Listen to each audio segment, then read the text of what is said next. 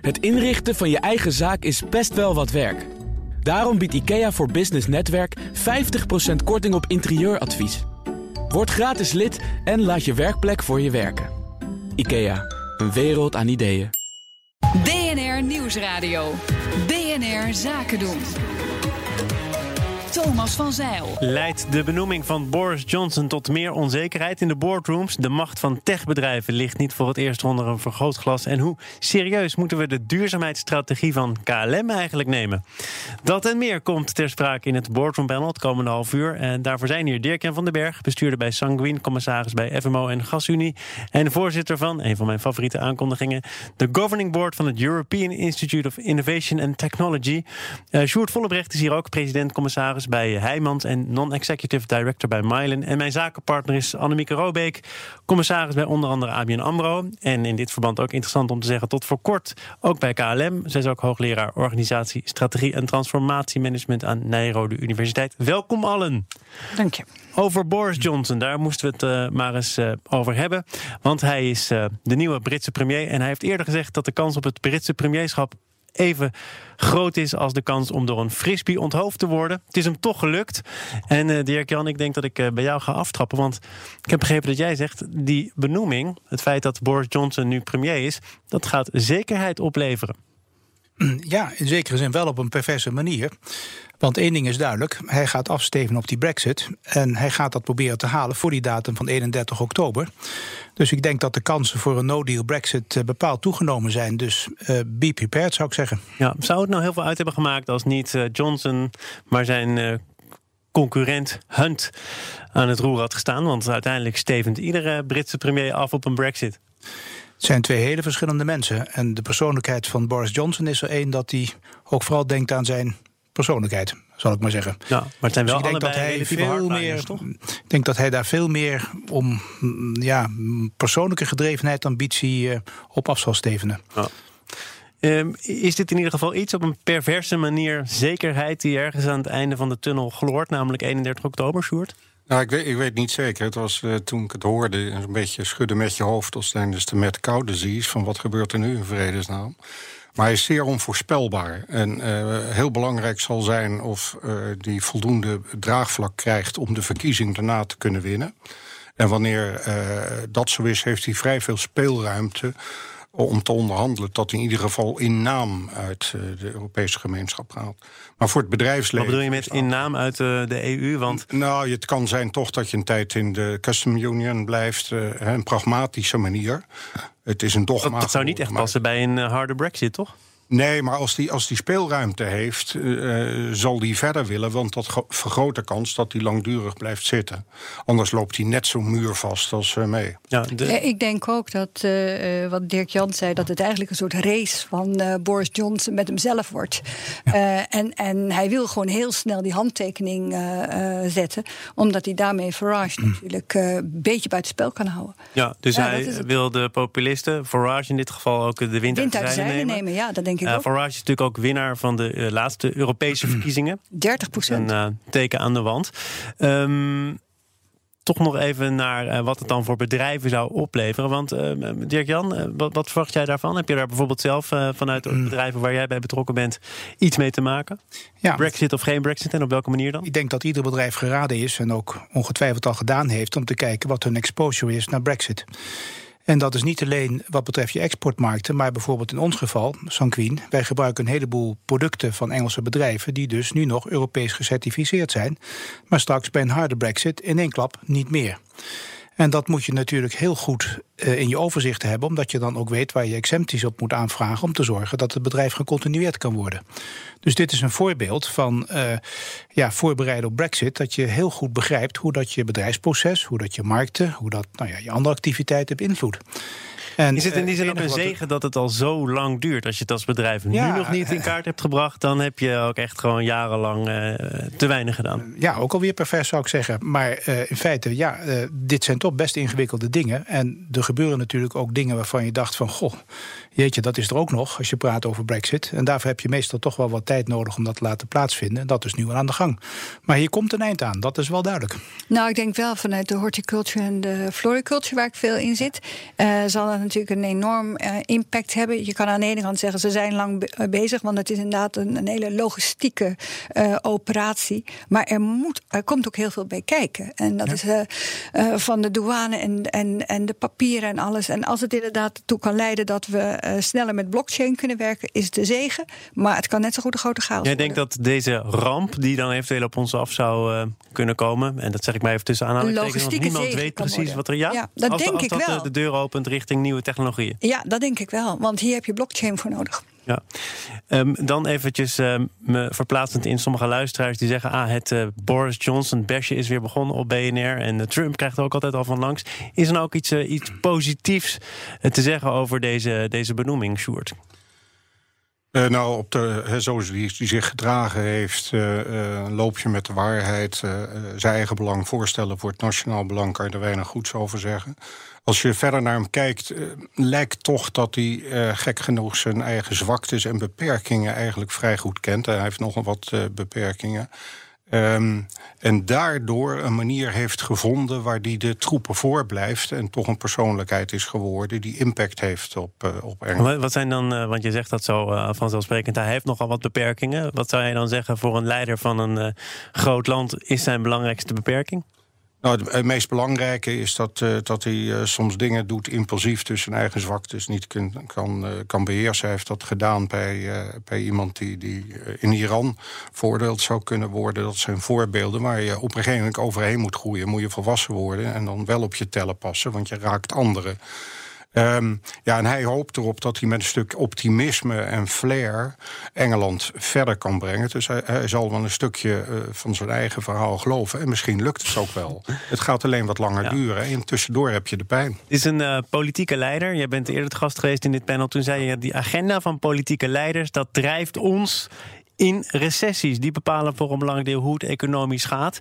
Maar in de boardroom is daar onvoldoende aandacht voor. Uh, denk jij dat het inmiddels veranderd is? Uh, nou, er is wel in ieder geval aandacht voor de korte termijn effecten. Maar wat je bijvoorbeeld krijgt ook op logistiek gebied. Hè, ik denk uiteindelijk uh, langs die grenzen elektronisch gaan, dat, dat gaat wel lukken. Maar je hebt uh, dat je vaker een tussenvoorraad moet aanleggen. Dat doe je nu al. En als alles stabiel is en de vraag is stabiel en, en de levering is stabiel, dan is dat niet erg. Dus die is meer werkkapitaal. Maar zodra er iets verandert in de afnamepatroon, dan zie je opeens dat er veel meer geld in kan gaan zitten. En dat drijft je als bedrijf in bepaalde bedrijfstakken uit Engeland. Uh, en andere bedrijfstakken. Uh, of je bent er goed op voorbereid. Uh, ja, maar dan nog denk ik dat het effect zal zijn uh, dat het uh, heel negatief gaat worden voor de bedrijven die in Engeland opereren. En dat het de kosten opjaagt voor de bedrijven die buiten, uh, de, buiten de UK opereren. Ja, want voor de Engelse bedrijven wordt natuurlijk de interne markt in feite afgesloten. Dat wordt een ding waar je tarieven moet gaan betalen om die te betreden. En dat is uh, bepaald zeer impactvol. Uh, want dat wordt altijd heel simpel in een bijzinnetje behandeld, die tarieven. Maar dat zijn zeer ingewikkelde tabellen en structuren die relatieve kosten in supply chains aardig overhoop kunnen gooien. En die ook op termijn kunnen leiden tot investeringsbeslissingen die naar andere locaties gaan. En de politiek heeft nog geen oplossing daarvoor uh, weten nee. te vinden. Ik wil naar iets uh, waar ook nog altijd gewoon geen oplossing voor is, namelijk de grote macht van een aantal Amerikaanse techbedrijven. Uh, deze week werd bekend dat het Amerikaanse ministerie van Justitie onderzoek gaat doen naar de marktdominantie van die grote techbedrijven. Het zou gaan om uh, een zoekmachine, een uh, social media bedrijf. Geen namen genoemd, maar we weten denk ik allemaal wel om welke bedrijven het uh, dan gaat. Um, wat is de precieze motivatie? Want er wordt ook wel gezegd, dit is politiek gedreven. Trump opent hiermee de aanval op zijn vrienden uit Silicon Valley. Bijvoorbeeld de oprichter van Amazon, Bezos, ook de, ook de eigenaar van de Washington Post, gezworen vijand van Trump.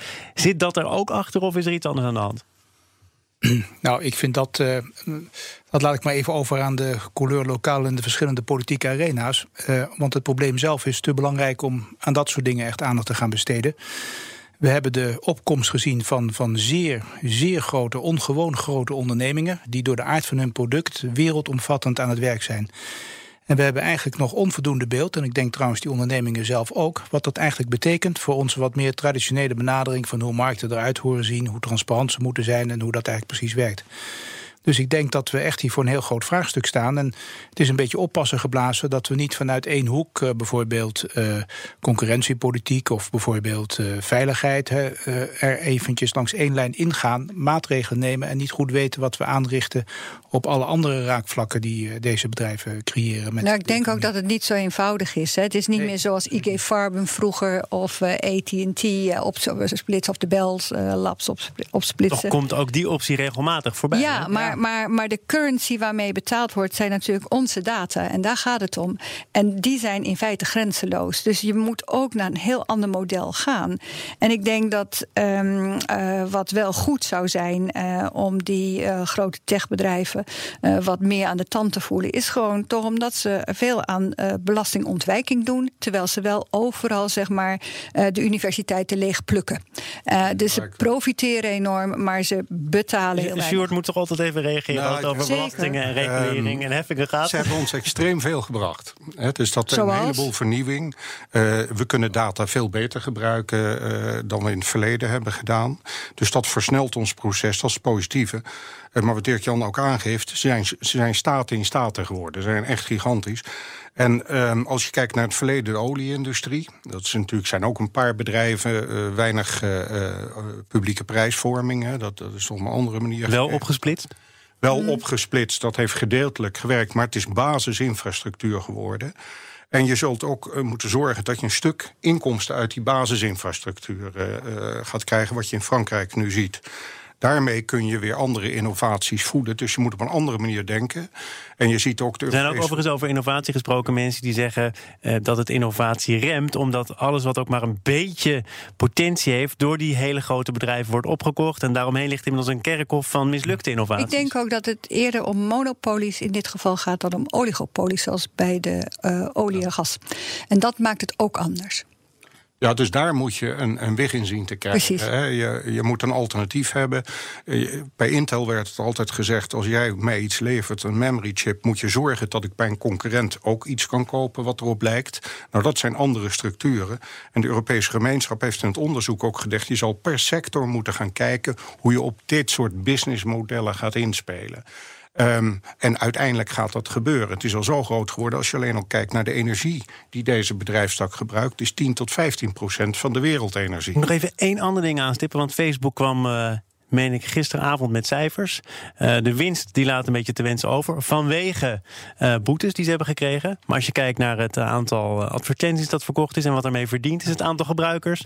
Het neemt alleen maar toe. Nee, als, je, je denkt erover, wat levert me op aan winst? Hoeveel betaal ik aan boete? En als dat positief uitvalt, dan ga je echt niet stoppen. Maar vinden we het met elkaar dan wel belangrijk genoeg? Want je kunt toch ook als, als consument, als klant zeggen... ik voel me hier niet meer prettig bij, ik uh, delete mijn account. En dat gebeurt dus eigenlijk uh, niet of nauwelijks. En mensen komen weer terug die het wel gedaan hebben. Dat geeft toch wel die afhankelijkheid. Uh. En dat is denk ik de kern. Hè? Want we praten over reguleren, we praten over opknippen. Maar je zou ook een weg kunnen bewandelen waarin je zegt: je moet juist de concurrentie ook voor die bedrijven veel groter maken. En dat betekent dat mensen veel meer eigenaar moeten worden van hun data, veel meer moeten zelf kunnen bepalen op welke platforms hun data belandt. En dat je misschien ook op het gebied van. van uh, uh, overnamewetgeving uh, veel, veel moderner moet kijken naar wat het eigenlijk precies betekent als zo'n bedrijf een klein veelbelovend bedrijfje overneemt. Want voordat het plantje zeg maar, kan opgroeien, is het al opgeslokt door het grote geheel. Dus misschien dat je veel meer naar dat soort sporen moet kijken om in feite eigenlijk uh, toch te proberen die tucht van de markt ook weer voor deze hele grote ondernemingen een beetje te laten gelden. Te gast is het uh, boardroom panel bestaande uit mijn zakenpartner Annemieke Robeek. Dirk-Jan van den Berg is er ook en datzelfde geldt voor Sjoerd Vollebrecht. En uh, Annemiek, jij hebt iets uh, meegenomen, een krantenknipsel. Nou, ik heb een uh, hele mooie foto. Uh, oh, het is een foto. Ja. En ik ben het zelf. Uh, ik sta Dan is het per definitie een mooie foto natuurlijk. Mooi. Hè? Ik sta, maar het bijzondere is dat ik uh, de cirkel rondgemaakt heb. Ik ben vroeger ooit tijdens mijn PhD ben ik stewardess geweest bij KLM. En daarna, jaren later, na heel veel andere dingen, ben ik commissaris geworden. En ik heb twee weken geleden heb ik mijn laatste vlucht gedaan. Samen met, dus als werkend stewardess, samen met de crew naar Kaapstad, heden terug. En ik heb met name gekeken gekeken hoe duurzaam gaat KLM. Weet jij zeker dat het je laatste vlucht was of heb je de smaak weer te pakken? Nou, iedereen zei dat ik zo weer terug kon komen. Kijk, zo zie je maar, want je kon het nog. Ik kon het nog zo, ja, ik kon het. En ik vond het ook ontzettend leuk om weer te doen. Ja, je bent er nu dus eh, langere tijd eh, commissaris geweest bij KLM. En nu dus weer terug in je oude Ja, stiel, in je oude vak. Heb, en ik heb natuurlijk als commissaris heel erg aan die duurzaamheid eh, zitten duwen en trekken. Samen met de werknemers overigens. De OR is daar heel goed in geweest. En ook de directie heeft natuurlijk wel gezien dat het steeds meer de license to growth is geworden. Ehm, maar misschien toch wel wat ik gezien heb aan boord. eh, want daar was eh, waar, ik toch als meewerkend observer, maar vooral als stewardess naar gekeken heb, is dat er ontzettend veel afval nog aan boord is. En dat geeft mij toch te denken, want je moet voor in de keten eh, aan de slag. En daar is nog heel wat te doen. Ik wil, voordat we het daar wat uitgebreider over hebben, dan eh, introduceren waarom dit überhaupt een onderwerp is in het eh, boardroom panel. Mhm. Want de topman van KLM, Elbers, die gaf een interview aan Trouw afgelopen weekend met Ja. als eh, belangrijke conclusie: geniet, maar vlieg met mate. Ook wordt gezegd om het imago te vergroenen. Ehm, en dan kwam gisteren, meen ik, het onderzoek van RTL Nieuws naar buiten. Waaruit blijkt dat als je langer in de lucht bent, een langere vlucht maakt, ehm, dat dat ehm, geld scheelt eh, in je ticket. Dat je dan goedkoper uit bent. Dat lijkt vreemd. Nou, is het niet, denk ik. Want de, eh, ook de grootste milieuoverlast zit in het eh, stijgen en in het dalen. En als je dus langer vliegt, is het eigenlijk goedkoper. Wacht even, maar ik ga naar Düsseldorf. Het, voorbeeld was, ik wil naar Melbourne. Ik ben een Nederlander. Mijn eerste richtpunt zou zijn Schiphol, Amsterdam, Melbourne. Ja? Nou schijnt het goedkoper te zijn om in Düsseldorf op te stappen, Oh. dan naar Amsterdam te gaan. En dan vanuit Amsterdam weer naar, weer naar Melbourne. En dan vraag ik me af, hoe kan dat? Ja, nee, maar dat heeft te maken inderdaad met dat eh, je. ehm, Want dan land en daal je dus... eh, Ja, ja, maar, maar dat, eigen zijn- dat zijn van die uitwassen, die moet je eruit gaan halen. Ehm, en eh, dit heeft wel te maken met het feit dat wij een hub-en-spook eh, beleid hebben op Schiphol. Waarbij Schiphol natuurlijk zoveel mogelijk vliegtuigen op de hub wil hebben.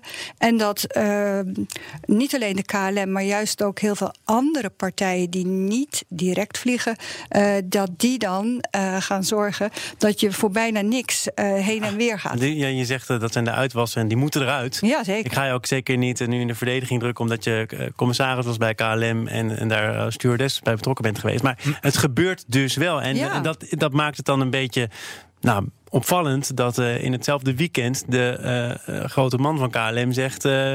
duurzaamheid is belangrijk, vlieg met mate. Nee, maar dat vind ik nou juist heel goed dat Pieter dat zegt. Dat Pieter Elber zegt: geniet maar vlieg met mate. Want daarmee zeg je van. de realiteit is dat we zullen blijven vliegen. Maar je moet wel weten waarheen vlieg je waarvoor. En kan het ook op een andere manier. Nou, en je vliegt alles- dus langer voor de lagere prijs. Nee, maar als je dus zeg maar, en dat is het verhaal van, van, eh, van de KLM nu. eh, A, eh, sustainability moet, want het is de license to operate, de license to growth, maar we kunnen het niet alleen. We moeten dat samen met andere vervoerders doen. En we moeten met name ook zorgen dat al die vluchten die nu maar, eh, zeg maar tot 500 kilometer gaan, dat dat met treinen gedaan Ik wordt. ga naar de man die op doorreis is, naar Schiphol. Ja, Sjoerd, ja, precies. Ik hoop dat dat het gaat gebeuren. Ja, er zit wat. ik- KLM is een prachtig bedrijf en Pieter Elbers leidt het ook eh, uitstekend. Hier vind ik wel iets duaals in. Hè. Er ontstaat een beperking in het aantal vluchten dat KLM kan maken. Dus ga je afremmen onder het motto: ik hou mijn vliegtuigen wel vol. En eh, kijk je bij KLM, dan is het korter. Het kortvliegen is een zware verlieslatende activiteit. Niet meer. Niet waar. Nou, dat is dan in ieder geval een stuk beter niet waar. geworden. Maar als je dat ziet. Nee, Europa eh, levert op. Oké, Sjoerd. ja, dan- maar, maar ja, eh, dat is goed. Maar als je naar EasyJet kijkt, hè, toch een hele belangrijke hier, Mhm. die moet dat volume hebben om die tarieven te kunnen bieden. Dus die heeft een ander verhaal. Die zegt je moet wel eh, blijven vliegen. Het point-to-point vliegen, eh, hè, wat, wat aangehaald wordt, dat je niet via een hub gaat, dat zou in ieder geval wat oplossen. Maar wellicht is een van de grootste oplossingen eh, nu nog steeds, is zorgen dat je het luchtruim efficiënter gebruikt, ook in Europa. Want dat is nog steeds slecht ingericht. Daar Ja, maar daar hebben we Defensie voor nodig. Ja, ja maar dat zou, dat zou je wel gezamenlijk kunnen doen. Zeker. Derde panelid hier aanwezig, Dirk-Jan. Waarschijnlijk Laten ook... we, la- eh, laten we even die twee gebeurtenissen uit elkaar trekken. Hè. En denk op zichzelf is het eh, gewoon te waarderen dat de baas van een luchtvaartonderneming zegt van nou, misschien moeten we ook eens een beetje nadenken als we gaan vliegen. Nou, dat is toch vrij uniek dat iemand eh, dat over zijn eigen business zegt en dat hij daarmee ook een wat bredere awareness rond het geheel eh, eh, aanraakt. Ik vind dat gewoon goed. Mhm. dat is prima. En ik vind dat KLM mag ook best trots zijn op de initiatieven die ze nemen om inderdaad te kijken of je niet milieuvriendelijker, vriendelijker voor het klimaat. Met, Biokerosine wordt genoemd, een fabriek. Uh, omgaan, precies. Dat voor voorbeelden. Dus, dat, dat, dus dat we dat even apart zetten en waarderen. Hè? En ja, dan komt er zo'n bericht door van... hé, hey, als je nog wat meer vliegt, dan kan het goedkoper. Ja, dat is natuurlijk wat je noemt uh, verdomd bad luck... als je zo'n boodschap uh, brengt. Laten we daar ook even heel eerlijk over zijn. Maar aan de andere kant, KLM is gewoon een bedrijf. En een bedrijf werkt in verschillende markten. En die probeert overal natuurlijk maximaal het consumentensurplus af te romen. En die prijs ligt blijkbaar in Nederland wat hoger dan in Duitsland. Zo zit het dan in elkaar. Dus zo zul je nog wel meer patronen kunnen ontdekken. En dat is wat het is. Dus dat het is een beetje, deel... beetje, te direct om te zeggen van uh, die Pieter Elbers die zegt maar wat, want kijk nou eens wat er aan de hand is. De timing is ongelukkig. Niet Bad luck. Ja, um, toch, hè, dat interview dat uh, heeft dan als kop uh, vliegen met maten. Later wordt wel uitgelegd dat als je wil verduurzamen, dat dat geld kost en dat dat geld verdiend moet worden. En dat geld kun je verdienen door te groeien dan kom je toch in een ingewikkelde spagaat. Als je zegt, uh, we willen ons bewust opstellen... maar ja, we moeten tegelijkertijd wel heel veel geld blijven verdienen. Dus je moet ook vooral blijven vliegen. Anders dan kunnen we onze duurzaamheidsambities nooit realiseren. Annemiek, kom je daar dan wel uit? Nou ja, ik denk dat je uh, net als. Uh, je komt een beetje in het dilemma waar Shell ook in zit. Hè. Je bent eigenlijk in een industrie bezig die de komende tijd nog voorlopig zal uh, vervuilen. en dat komt omdat je maar een klein gedeelte bio-kerosine um, in, in je fuel kunt meenemen. Um, tegelijkertijd denk ik dat het wel het verhaal is: we zitten in een groeiende wereldbevolking en mensen willen blijven reizen. en het zou toch merkwaardig zijn als een KLM dan zou zeggen: Nou, maar wij gaan nu stoppen. Want ik denk dat juist het product van KLM heel erg goed is. En niet voor niets dat we de afgelopen 14 jaar al 13 keer nummer 1 geweest zijn in de Dow Jones Index voor sustainability. En dat er wel werk van gemaakt wordt. Zeker als je het vergelijkt met andere uh, luchtvaartmaatschappijen. Dus het is niet zo dat het zomaar om de hoek komt. Nee, daar is deze maatschappij al heel lang mee bezig. Maar het is inderdaad een hele lastige sector. En dat komt omdat er. Maar ben je het eens met de conclusie dat je dus moet groeien om duurzaam te kunnen opereren? Nou, Daar ik, komt het in de kern dan op neer. Ja, maar duurzaam groeien kan door die lange afstanden te doen.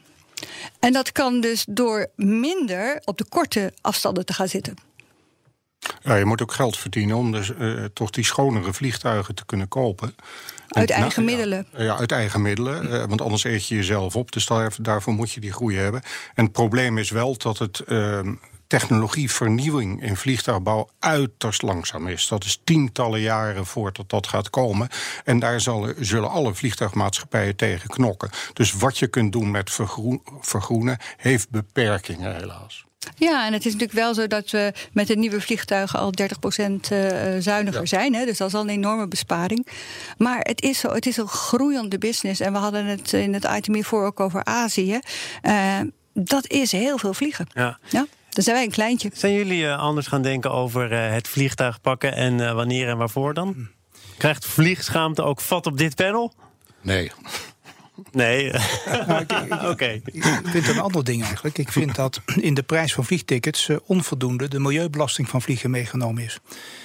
Uh, dus ik vind dat op dat punt uh, er best wel eens gekeken mag worden of er niet een aantal kosten zijn die in die ticketprijs geïnternaliseerd moet worden. Waardoor de ticketprijs omhoog maar, gaat. Er komt een vliegtax hè, van 7 euro. Uh, ja, maar, ja, maar het probleem daarbij is dat je dat dan wel moet doen op een manier dat er wel een level playing field blijft voor de verschillende luchtvaartmaatschappijen. En dat is natuurlijk waar dit een beetje scheef zakt. Mm. Maar het is er toch, als je voor een paar tientjes drie uur kan vliegen, daar, daar zit toch iets scheefs aan, denk ik dan. Dat, dat weet, dat weet toch eigenlijk ook iedereen die instapt dat het eigenlijk niet kan? Ja, maar dat is met de low-cost carriers. En ik denk ja. dat je dat toch uh, apart moet zien van de quality carriers zoals KLM. Nee, maar gewoon in algemene zin vind ik dat de prijs van vliegen beter moet reflecteren. Daar ben ik het helemaal met je eens. Aan, Absoluut. Ja, ja de aan, quality aan was uh, niet te overtreffen het afgelopen half uur. Uh, jij een goede reis naar Schiphol, Sjoerd. Dan weten we meteen waar jij naartoe gaat. Of in ieder geval niet wat dat de brandstof is. Ja.